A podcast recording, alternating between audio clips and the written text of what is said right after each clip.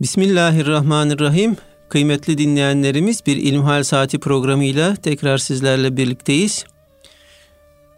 Öncelikle hepinizin Ramazan bayramını tebrik ediyoruz. Yüce Allah tüm İslam alemine bu bayram vesileyle huzur, mutluluk ve esenlik bahşeylesin inşallah. Sizlerden gelen sorulara değerli hocamız Doktor Ahmet Hamdi Yıldırım cevap veriyor. Muhterem hocam ilk önce e, bayramla ilgili duygu ve düşüncelerinizi alalım. Buyurun efendim. Elhamdülillahi Rabbil Alemin ve salatu ve selamu ala Resulina Muhammedin ve ala alihi ve sahbihi ecmain. Bayramlar e, sosyalleştiğimiz, birbirimizi hatırladığımız, sevinçlerimizi en zirve noktada yaşadığımız ilahi armağanlar. Alemlerin Rabbi kullarının sevinmesini istiyor. Neşelenmelerini istiyor. Ve bu yönüyle de her ibadetin peşinden veya onunla beraber bir bayram lütfediyor. Aslında her gün oruç tuttuğumuzda iftarda bayram yapıyorduk. Oruç müthiş bir irade eğitimi, varlığın içerisinde yokluğu yaşamak. Bayram işte varlığın içerisinde varlığı yaşamak. Ama asıl mesele yokluğun içerisinde varlığı yaşayabilmek. Yani insan bu dünyanın gelip geçici olduğunu, asıl hayatın ahiret hayatı olduğunu, bu dünyanın menzile ulaşmak için konaklama yeri hükmünde bulunduğunu, burada biraz istirahat ettikten sonra asıl makamımıza, mevkimize, yerimize ulaşacağımızın şuurunda, idrakinde olmamız lazım.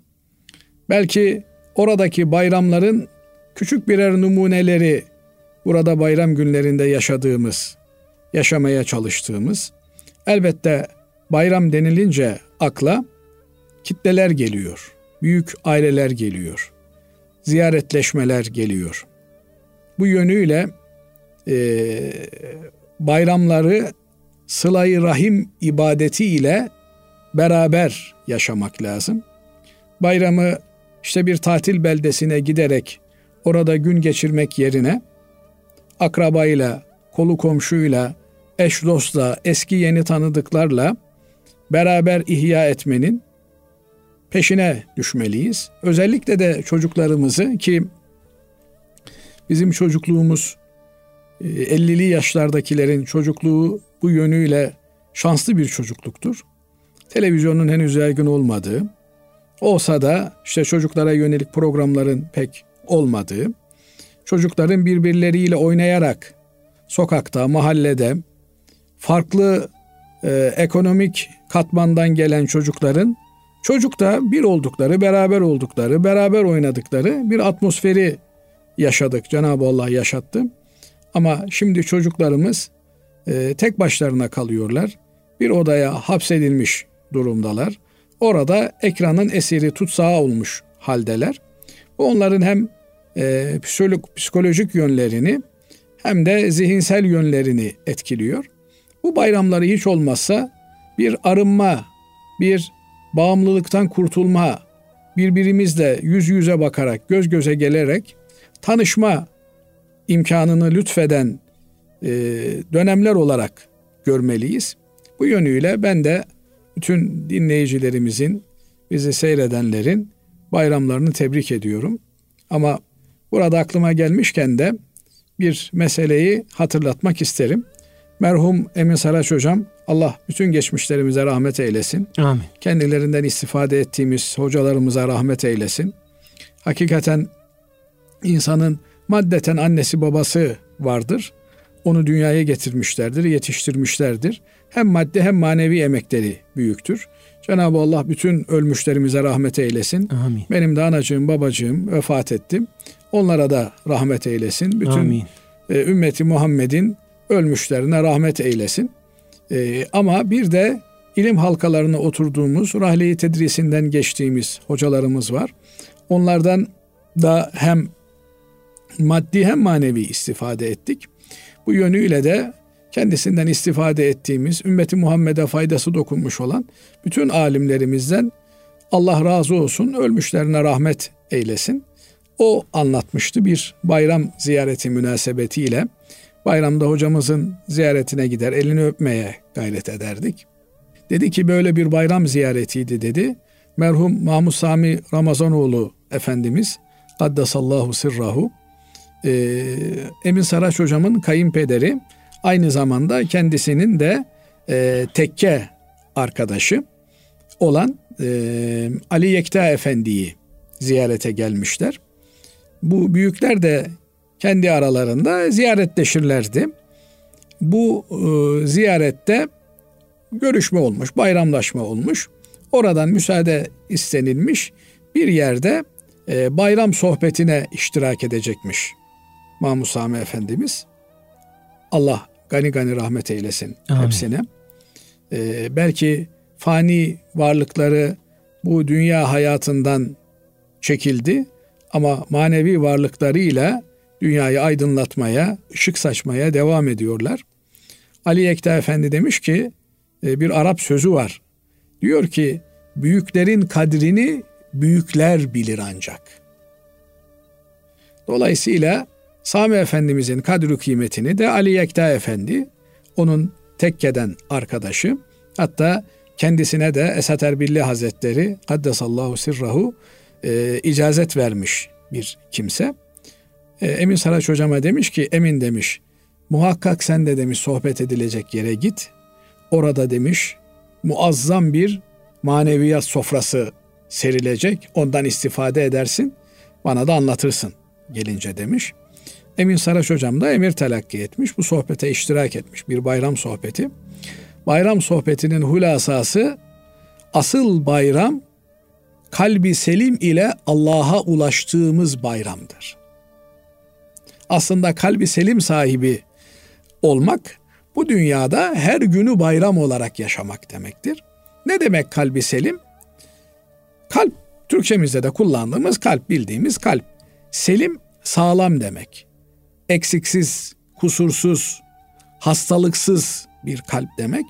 Yani içinde hiçbir hastalık barındırmayan ki en büyük hastalık insanın içinde biriktirdiği başkalarına yönelik kin, nefret, sevgisizlik, intikam, affetmeme gibi e, hastalıklardır. Böyle bir kalbe sahip olan kişi her gününü zindandaymış gibi geçirir. Herkesin kendisiyle ilgili kötü niyetlerinin olduğunu düşünür. Böyle bir karamsar, böyle bir depresif halleti ruhiye içerisindedir.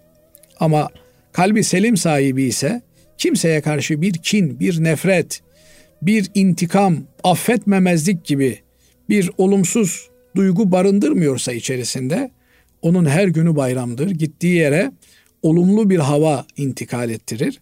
Gittiği yerde feyiz kaynağı olur.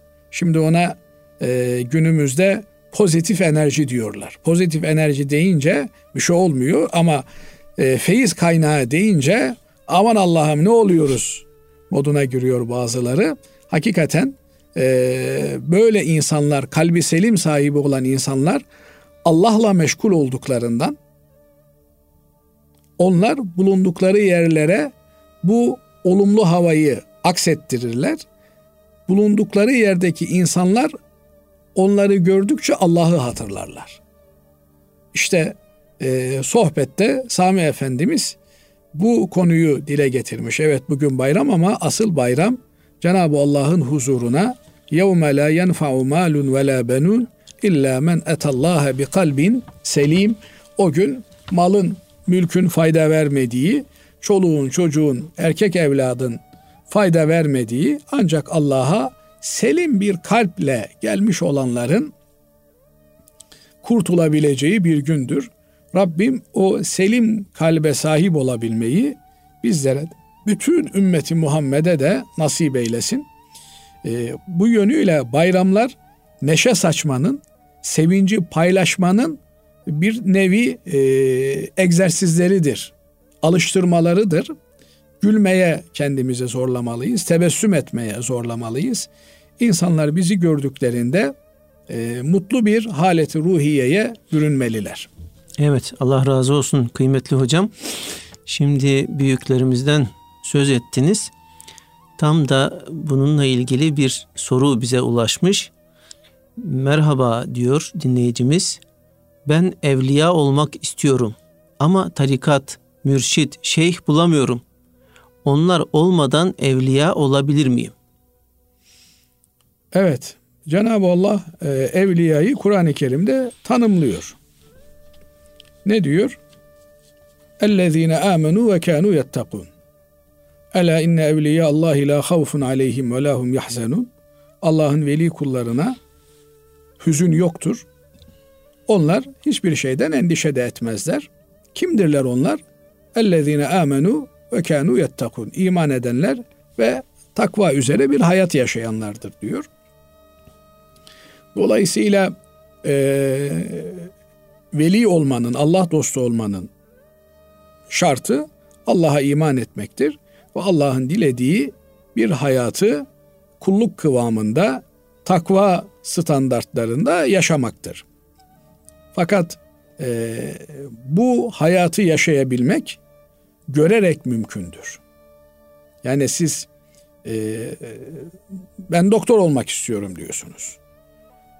Ben tıp fakültesine gitmeden efendim e, uzman doktorların elinde çıraklık yapmadan e, doktor olmak mümkün mü? Zor. Yani imkansız demeyeyim ama zor. Dolayısıyla e, insanın e, aynı derdi taşıyan, kendisiyle aynı kaygıları barındıran kimselerle beraber olması onun gelişimi için önemli bir meseledir. Bir kimse eğer salih olmak istiyorsa salihlerle beraber oturup kalkacak. Allah dostu olmak istiyorsa Allah dostu olduğuna inandığı, bildiği kimselerle oturup kalkacak. Bu hal bulaşıcıdır. Yani e, insanların bir yerde oturduklarını ve malayani konuştuklarını düşünün. Bir müddet sonra siz de o konuşulanlara ortak olursunuz. Önce kulak misafiri olursunuz. Ondan sonra siz de aynı mevzuları dile getirmeye başlarsınız. Dolayısıyla eğer Allah'tan bahsedilen, e, İslam'dan bahsedilen, dini hayattan bahsedilen bir atmosferin içerisinde olursanız bir müddet sonra bunun etkileri sizin üzerinizde de yoğun olarak görünür. Bir diğer mesele de e, bizim tabakat kitabı dediğimiz alimlerimizin hayatlarının anlatıldığı, biyografilerinin sergilendiği kitaplardan biri Hanefi fukahasının e, biyografilerini anlatan El Cevahirül Mudi'e fi teracemi tabakatil hanefiye adlı kitabın yazarı El Kureşi e, mukaddimesinde kitabının diyor ki ayeti kerimeyi tefsir sadedinde Ela bi zikrillahi tatmainnul kulub. Agah olun, dikkat kesilin. Allah'ın zikriyle kalpler tatmin olur. Allah'ı zikrederek kalpler huzura erer, itminana erer. Burada diyor ki, evet Allah'ı zikretmek suretiyle kalpler mutmain olur, huzur bulur, istikrara kavuşur. Bunun bir anlamı da diyor Allah dostlarının menkıbelerini dinlemek suretiyle, onların menkıbelerini okumak suretiyle kalpler huzura erer. Çünkü Allah dostlarının hayatını okudukça insan kendisini onlara benzetmeye çalışır. Bu e, kendi dönemimizdeki Allah dostlarıyla ya ben nereden bulacağım Allah dostunu? Yani böyle bir e, sözü dile getirmek doğru değil. Bir Müslüman için etrafında gördüğü her Müslüman Allah dostudur. Yani böyle Allah dostu fiddişi kulelerde olan e, ulaşılamayan kimsenin yanına yaklaşamadığı uçan kaçan değil. Uçan kaçan değil. Namazına gidiyorsa, beş vakit namazını camide kılıyorsa bu dönemde bir kimse Allah dostudur. Dolayısıyla evet şahsi günahı olabilir, yanlışı olabilir vesairesi olabilir. O kendisiyle ilgili problemidir. Biz herkesten istifade edilecek yöne bakmalıyız. He, bazı zatlar da vardır ki onlar toplum içerisinde öne çıkarlar. İnsanlara ışık olurlar. Bakarsın işte üniversite hocaları da onun sohbetine gidiyor. Efendim memleketin sayılı zenginleri de onun sohbetinden istifade ediyor. Bakarsın toplumun marjinal kesimi olarak kabul edilen, efendim dışlanmış olan bir takım etnik gruplar da onun sohbetinden istifade ediyor. Eğer bir sohbette insan ayrımı yoksa, eğer buradan içeriye üye olmayan giremez diye bir kısıtlama yoksa, orada Allah anlatılıyorsa buradan istifade etmek lazım. Dolayısıyla insan e, neye niyet ederse Cenab-ı Allah onu ona nasip eder. Bir kimse elindeki imkanları seferber ederse Allah için e, Allah'a karşı sorumluluğunu yerine getirme niyetiyle iyi kul olmaya gayret ederse Allah ona yolunu gösterir. Nitekim ayeti kerimede وَالَّذ۪ينَ جَاهَدُوا ف۪ينَا Bizim için mücahede eden, gayret gösterenlere lenehdiyennehum subulena bize çıkan yolları onlara gösteririz diyor. Rabbimiz evet. e, hidayeti hepimize nasip eylesin. Herkese e, doğru kimselerle beraber oturup kalkma imkanı lütfetsin. Evet. Evet. Değerli hocam gerçi Ramazan orucu sona erdi. Fakat önümüzde Şevval ayı da var. Ee, oruçlar tutulacak. Tokluk hissi veren hap kullanmak dinimizce günah mıdır diye soruyor dinleyicimiz. Şimdi e, Şevval-i Şerif önümüzde değil içindeyiz Şevval-i Şerif'in. Evet. Artık bugün bayramın üçü ise Doğru. Şevval'in de üçü. E, Şevval'in içerisinde altı gün oruç tutmayı Hazreti Peygamber aleyhissalatü vesselam Efendimiz bizlere tavsiye ediyor.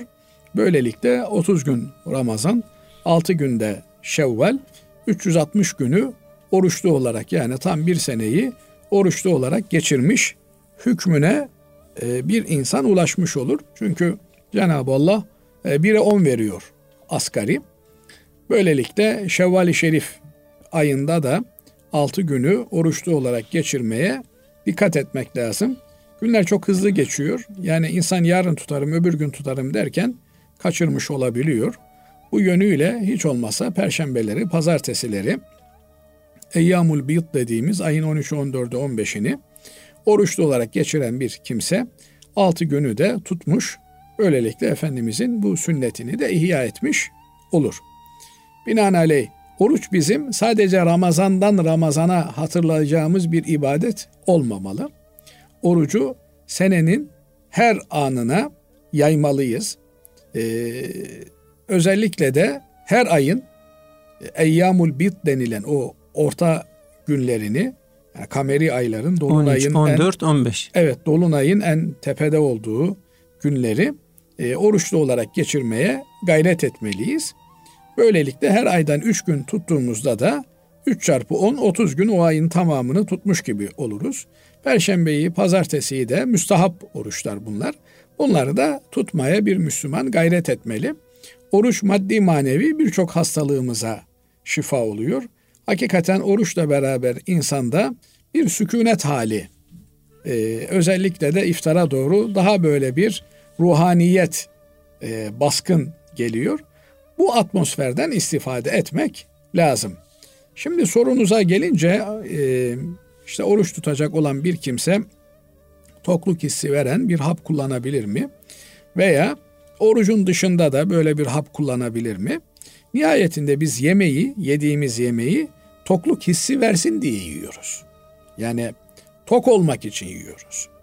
Eğer bu tokluk hissi bazılarında gösterge bozulmuşsa yani normalde bir tabak yiyip doymak gerekiyor. Ben bir tabakla değil de üç tabakla ancak doyduğumu idrak ediyorum. Demek ki müşirde, göstergede bir arıza var. Bu gibi durumlarda hap kullanılabilir. Nihayetinde hap kullanmanın caiz olup olmaması meselesi bunun insan vücuduna zararının olup olmamasıyla alakalıdır.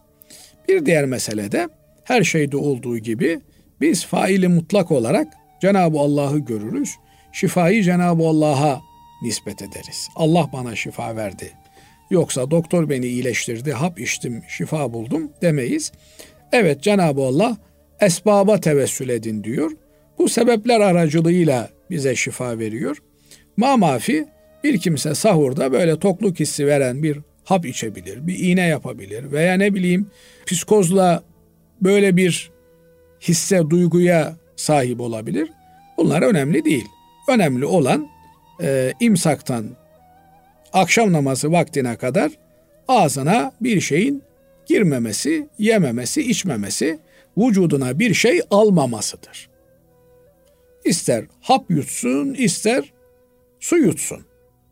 Önemli olan mesele onun bu vakitler içerisinde efendim oruçlu olup olmadığıdır. Hatta bir kimse e, oruç tutmakta zorlanıyorsa ve bu tür hapların da vücuda sağlık açısından bir zararı yoksa bu hapları kullanması tavsiye de edilir. Niye? Asıl olan çünkü açlık çekmek, ızdırap çekmek, acı çekmek değildir. Asıl olan insanın nefsini terbiye etmesi, irade eğitimini kazanmasıdır. Dolayısıyla bazı bünyeler mesela e, zayıftırlar. Onlara şöyle şöyle beslenin diyoruz. Onun için Efendimiz Aleyhisselatü Vesselam sahur yapın diyor. Sahurda bereket vardır. Ya efendim işte ben iftarda yediğimle 24 saat durabiliyorum. Yok öyle de olsa sahur yap diyor. Hele de bünye zayıfsa muhakkak sahur yapmayı e, ihmal etmemek, atlamamak gerekiyor. Hem berekettir hem de vücudun orucu tutmasına yardımcıdır. Buradan da anlaşılıyor ki demek ki insanın gün boyu içerisinde rahat oruç tutabileceği e, bir takım sebeplere, vasıtalara tevessül etmesi istenilen bir şeydir. Hatta eğer bazı şeyler e, ne bileyim sahurda yediğimiz kızartma vesaire filan tecrübeyle gün içerisinde e, ağız kuruluğu yapıyor, susatıyor, şunu yapıyor, bunu yapıyorsa bunlardan da kaçmak lazım. Niye? İbadeti, evet ibadette bir külfet manası vardır. Mükellef olmak demek bir külfete, bir zahmete girmek demektir. Elbette aç kalmanın böyle yorgun, bitkin bırakan tarafı vardır insanı. Fakat bu bir şikayet konusu olmamalı. Hatta geçen bir yerde çok güzel bir şey söyledi bir değerli hocamız, idarecimiz. Dedi ki Ramazan'ı dedi bir afete dönüştürmemek lazım. Sanki bir sel olmuş, bir deprem olmuş, bir şey olmuş. Efendim Ramazan'da şu hafifletici şeyleri yapalım, şöyle yapalım, böyle yapalım, böyle yapmamak lazım dedi. Ramazan'da oruç bir ibadet. Onu tutabilen tutsun, tutamayan, ma- mazereti olan kimseler zaten Cenab-ı Allah mükellef tutmuyor. Yani orucu tembelliğe bahane yapmayalım dedi. Çok hoşuma gitti. Aksine Ramazan ayında birçok fetihler olmuş, birçok savaşlar, en başta Bedir Savaşı Ramazan ayında olmuş bir savaş. Dolayısıyla Ramazan'ı e, bir tembelliğin e, mazereti olarak değil, orucu böyle bir bitkinliğin mazereti olarak değil, aksine daha çok çalışmanın bir yolu olarak görmemiz lazım. Allah razı olsun kıymetli hocam. Değerli dinleyenlerimiz şimdi kısa bir araya gidiyoruz. Aradan sonra inşallah kaldığımız yerden devam edeceğiz. Kıymetli dinleyenlerimiz İlmihal Saati programımıza kaldığımız yerden devam ediyoruz. Muhterem hocam bu soruyu birçok defa e, konuştuk, cevapladınız fakat yine kısa da olsa dinleyicimizin sorusuna cevap e, olsun. Birine borç verdik ve o kişinin borcunu geri ödeme durumu yok. Biz alacağımızı zekat yerine o kişiye benim zekatım olsun diyebilir miyiz? Şimdi borcun zekata sayılması meselesi üzerinde çok konuşulmuş, edilmiş. Borcun zekata sayılmasında temel problem şu. Zekat bir ibadet. Ve ibadetlerde niyet esas. Ben önce namazı kılayım sonradan karar veririm hangi namaz olduğuna deme imkanımız yok. Sabah namazını kılıyorsan sabah namazını kıldığın, akşam namazını kılıyorsan akşam namazını kıldığın belli olacak. Niyetinde bunu tayin edeceksin. Mesela işte Ramazan-ı Şerif'i tuttuğumuzda tuttuğumuz oruç Ramazan olduğu belli. Niye? Çünkü Ramazan ayında başka oruç tutulmaz. Ama e, iş şeye gelince, namaza gelince bir gün içerisinde, bir vakit içerisinde yüz tane namaz kılabilir bir insan. Dolayısıyla kıldığı hangi namazın belli olması lazım. Kaza mı kılıyor, nafile mi kılıyor, farz mı kılıyor, sünnet mi kılıyor? Bunun belli olması lazım. Zekat da bir ibadet. Evet, mal ile yapıyoruz. Yani zekatın namazdan farkı biri bedenen yaptığımız bir ibadet, diğeri mal ile yaptığımız bir ibadet. Ama ibadet nihayetinde ibadet. İbadet olduğu için de niyetin olması lazım. Peki nasıl niyet yapacağız zekatımızı verirken? Zekatımızı fakire verirken zekat olduğunu aklımızdan geçirerek vereceğiz. Verirken onu geri almamak üzere bir zekat olarak vereceğiz. Evet fakire al bu benim zekatım diyerek verip onu incitmek doğru değil. Yani e, zekatı da usulüne, adabına uygun vermek lazım. Yani hakikaten bazen bakıyorsunuz zekatı bulmak kolay, onu usulüne, adabına uygun yerine ulaştırmak zor. Çünkü elhamdülillah e, fakir de olsa izzeti nefsi Müslümanın yoğun. E, başkası daha ihtiyaçlıdır diye düşünüyor. Kabul etmek istemiyor. Dolayısıyla bir Müslüman gelmiş sizden borç istemişse eğer siz onun fakir olduğunu, gariban olduğunu biliyorsanız siz ona zaten buna ben zekat vermeliydim diye düşünüyorsanız bu benim size hediyem olsun diyebilirsiniz. Benim de çorbada bir tuzum bulunsun, benim de bir katkım olsun diye verebilirsiniz. Ama borç olarak veriyorum ha, en kısa zamanda geri getir, öde diye verdiğiniz bir para ödenmediğinde geriye dönük niyet yapamayacağınıza göre o batık para durumundadır. Yani bir para batmış. Bari ben bunu zekata sayayım diye düşünmek yani samimi bir Müslümanın yapacağı bir iş değil. Diyelim ki ben birine bir para verdim. Ticaret yapıyorduk. Borç olarak verdim. Parayı batırdı adam. Benim ondan 100 bin dolar alacağım var. E senede de ben efendim 5 bin dolar zekat veriyorum. Eh dolayısıyla 20 senede ben bu zekatı 20 senelik zekatımı sayayım. Bundan sonra da zekat vermeyeyim. Öyle bir şey olmaz. Bir Müslüman böyle bir şeyi düşünmez. Ama e, adamcağız fakir bulmuş, buluşturmuş. Kendi ihtiyacı varken çünkü borç e, çok önemli bir mesele. Yani ben şimdi Basri hocamdan borç aldım. Bin lira borç aldım. Veya beş bin lira borcum var Basri hocama. Ya ben bunu Basri hocama ödemesem ne olur? Bir şey olmaz. Ama öyle değil. Borç sadece iki kişi arasında biten bir mesele değil. Basri hocam benim ona 5 bin lira borcumu ödemeyince ikinci bir gelen kimseye de ya kardeşim kimse borcunu ödemiyor diye bu sefer ona da borç vermek istemeyecek. Maalesef bugün toplumumuzda böyle bir hastalık var. Ya diyor ben diyor işte filan adamın diyor serveti Karun'un serveti gibi aldığım diyor 3 bin liranın 5 bin liranın lafı mı olur?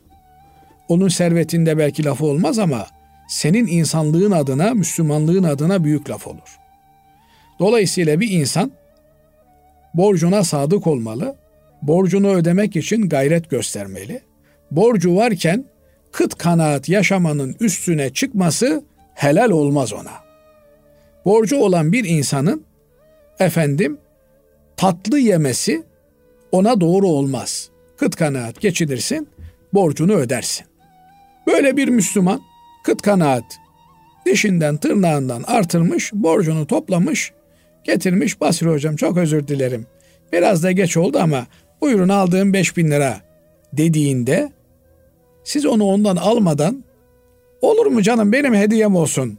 Ben onu zaten silmiştim filan deyip zekatınıza sayabilirsiniz. Niye?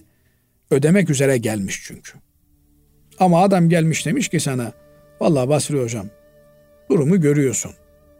Yani ödeyebilecek imkanım yok. Ne yalan söyleyeyim ödeyeyim desem sizi bir beklenti içerisine koysam bunun imkanı yok. Para bulsam çocuk hastanede hastaneye yetiştireceğim diyorsa bir adam ona verdiğimiz parayı işte zekata sayabilir miyiz? Sayamazsın kardeşim. Sayamazsın. Yani dün çok fazla yemiştim. Bir hafta yemesem onunla idare edebilir miyim? Belki olabilir ama bu olmaz. Onun için zekat. Ha bazen de şu oluyor ama. Ne oluyor? Ya e, evet zekat mükellefi Basri hocam ama kıt kanaat geçiniyor. Kenarda bir para biriktirmiş. Bununla işte çocuğu evlendirecek, hacca gidecek, ev alacak vesaire filan. Filana da işte ertesi gün veririm, bir memne günü veririm diye yüklü miktarda bir para vermiş. O zaman bir başka Müslüman borçlu olan kimseye ya müsaaden olursa ben senin borcunu ödeyebilir miyim diye ondan izin alır. Onun borcunu yani fakirin borçlu olan fakirin borcunu zekat niyetiyle alacaklıya ödeyebilir. Ama onun haricinde adam kendi borcunu zekatına sayamaz. Evet. Evet Allah razı olsun. Selamun Aleyküm hocam diyor dinleyicimiz. Öğretmen olarak görev yapıyorum. Maaş aldığımız banka promosyon verecek.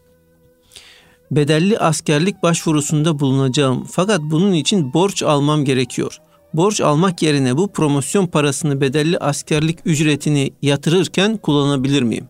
Şimdi bedelli askerlik meselesi o da çetrefilli bir mevzu. Yani hakikaten e, bulunduğu konum itibarıyla bir kimse memlekete e, faydalı bir iş yapıyorsa dolayısıyla e, bir yıl, iki yıl gibi bir süre ciddi bir zaman kaybı ve toplumsal bir zarar doğuracaksa bu kimse bedelli olarak askerliğini yapabilir.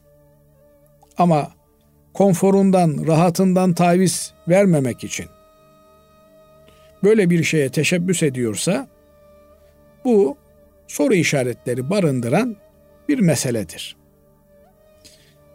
Diğer taraftan promosyon paraları ki eğer bu promosyon parasını e, gayrimeşru işler yapan, gayrimeşrudan kastımız Cenab-ı Allah'ın haram kıldığı işleri yapan bir müessese veriyorsa haramla iştigal eden kimsenin suyunu bile içmek caiz değildir. Bırakın parasını almak.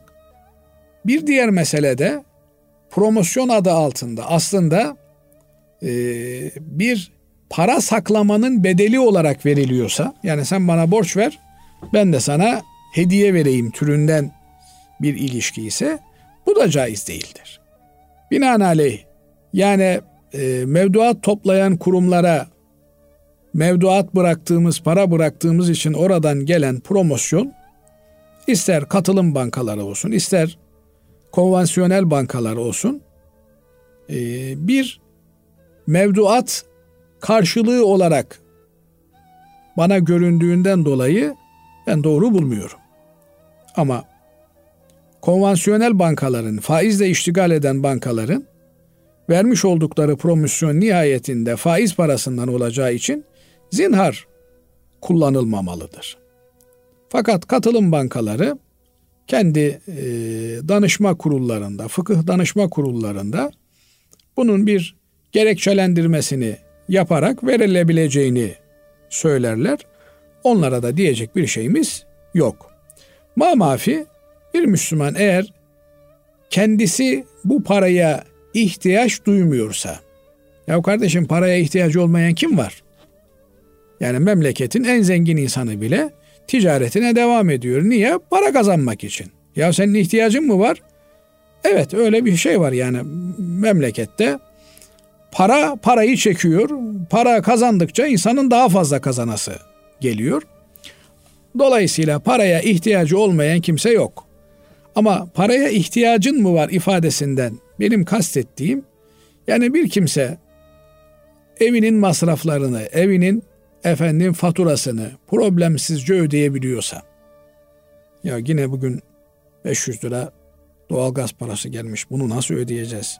Bunu ödemek için e, işte et almayalım, meyve almayalım diye bir hesabın içine giriyorsa bir adam bunun tamam bu paraya ihtiyacı var demektir.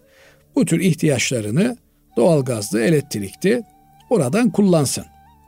Ama kendi konfor alanını bozmamak için işte mesela ya otele gideceğim otele ücret olarak verebilir miyim? Türünden e, kullanmasının doğru olmadığı kanaatindeyim. Dolayısıyla imkanı varsa e, konforunu bozsun. Neyse vazifesi onu yapsın. Ama eğer e, toplumsal bir problem oluşacaksa onun işte beş ay bir sene askerde bulunması durumunda o zaman da imkanı varsa kendisi bu parayı versin. İmkanı yoksa bu tür şeyleri kullanabilir. Psikiyatri atipik psikos hastasıyım diyor dinleyicimiz ve yüzde seksen ağır engelliyim. Namaz kılmakla yükümlü müyüm? Sorumlu muyum? Akli melekelerim tam değil maalesef diyor. Şimdi e, psikolojik rahatsızlıklar çeşit çeşit. Yani eğer e, bir kimse böyle bir soru sorabiliyorsa demek ki akli melekeleri yerinde.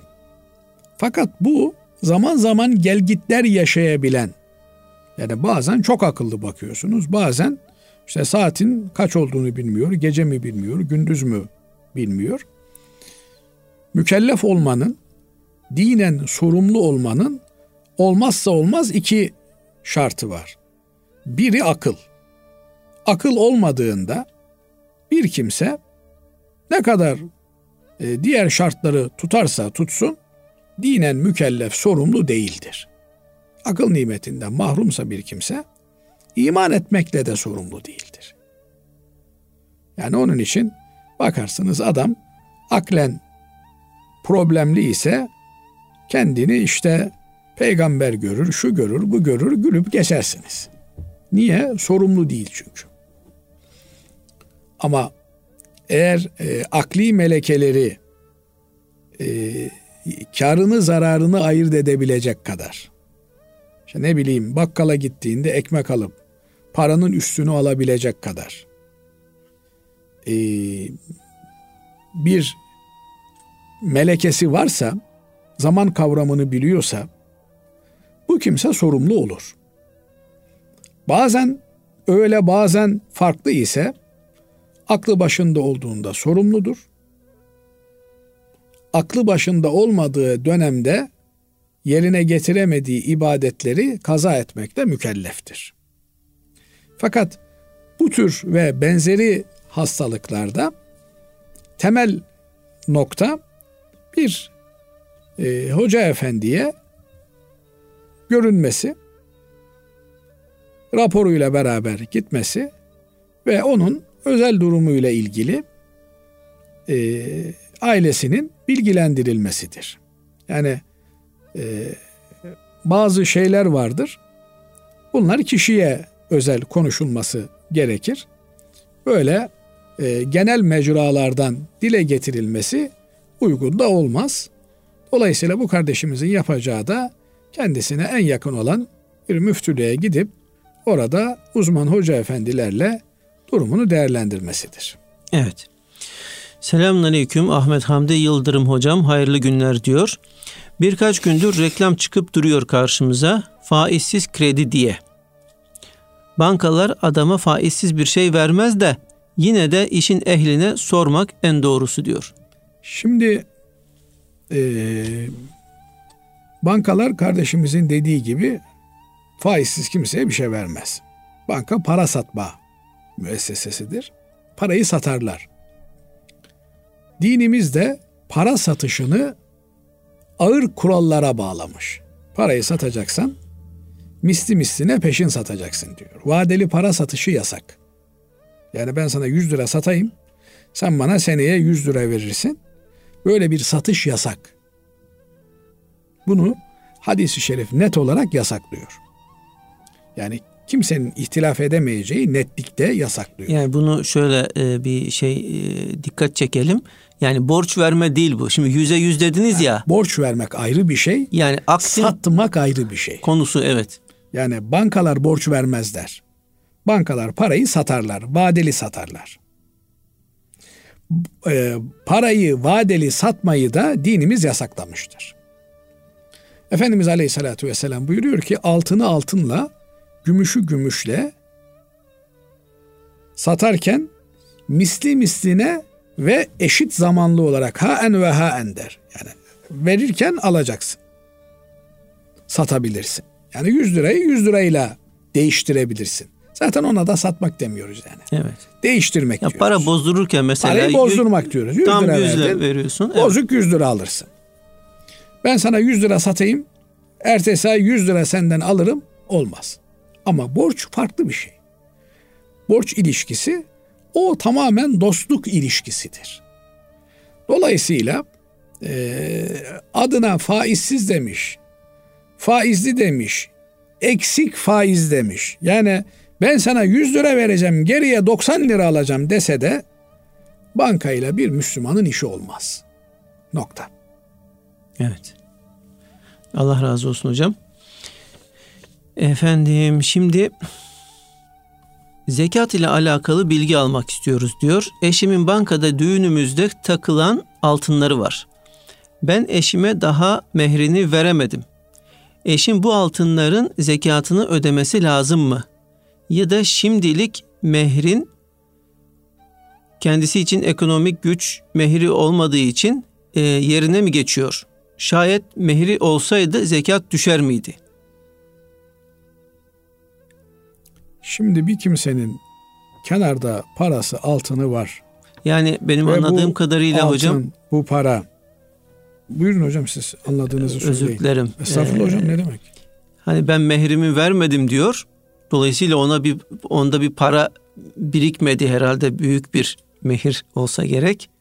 Yani onu kastediyor herhalde. Ya mehrini vermemiş. O belli evet. ama e, kadıncağızın bir parası var. Tabii. Eğer bu para nisap miktarı dediğimiz 80 gram ve muadili bir e, para ise bunun zekatını verecek. Evet. Kadıncağızın işte zinet eşyaları, boğazında taktığı kolye, elindeki bilezik, kulağındaki küpe 100 gram geliyor. Bunların 2,5 gram altın olarak zekatını verecek veya 2,5 gram altın neye tekabül ediyor? Kaç lira yapıyor? Onu zekat olarak verecek. Diğer sorusuna gelince mehir borcu evet bir alacaktır. Yani kocanın hanımına ödemesi gereken bir borçtur. Hanım da bunu alacaktır. Fakat almadan zekatı verilmez. Bu iki şekilde borç kesin ödenme aşamasına gelir. Biri Allah muhafaza eylesin. Ee, yani Cenab-ı Allah'ın sevmediği bir şey olduğu için böyle diyorum. Boşanma durumunda maalesef bugünlerde e, boşanmalar da hızlı bir şekilde artıyor. Boşanma durumunda kadının kocasından talep edebileceği tek şey dinen mehridir. Alınmamış olan mehridir. Almışsa yapacak bir şey yok.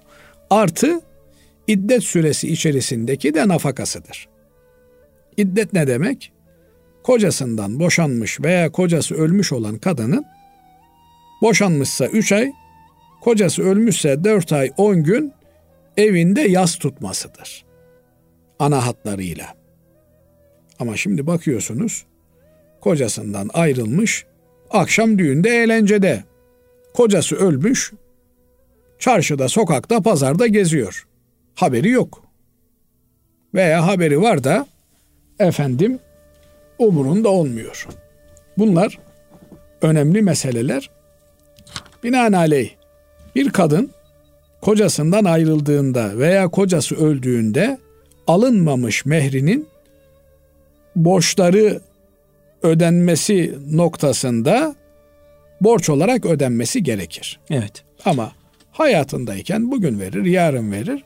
Dolayısıyla ne koca hanımına ödeyeceği mehir borcunu zekatından düşer ne de kadın onu alacak olarak hesap edip zekatını verir. Evet. Dolayısıyla kadının elindeki altını, taktığı altını, bankadaki hesabı neyse nisap miktarını aşmışsa bunun kırkta birini zekat olarak vermesi gerekir. Evet hocam bugünkü son sorumuz yine e, zekatla ilgili. Buluğa ermemiş yetim çocuğa zekat verilir mi? Buluğa ermemiş yetim çocuk dediğine göre bunun babası yok demek. Evet. İhtiyacı varsa verilir. Fakirse verilir. Ama buluğa ermedi yetim diye her yetim çocuk fakir olacak demek değil. Babası büyük bir iş adamıydı, öldü, milyarlar kaldı çocuğa.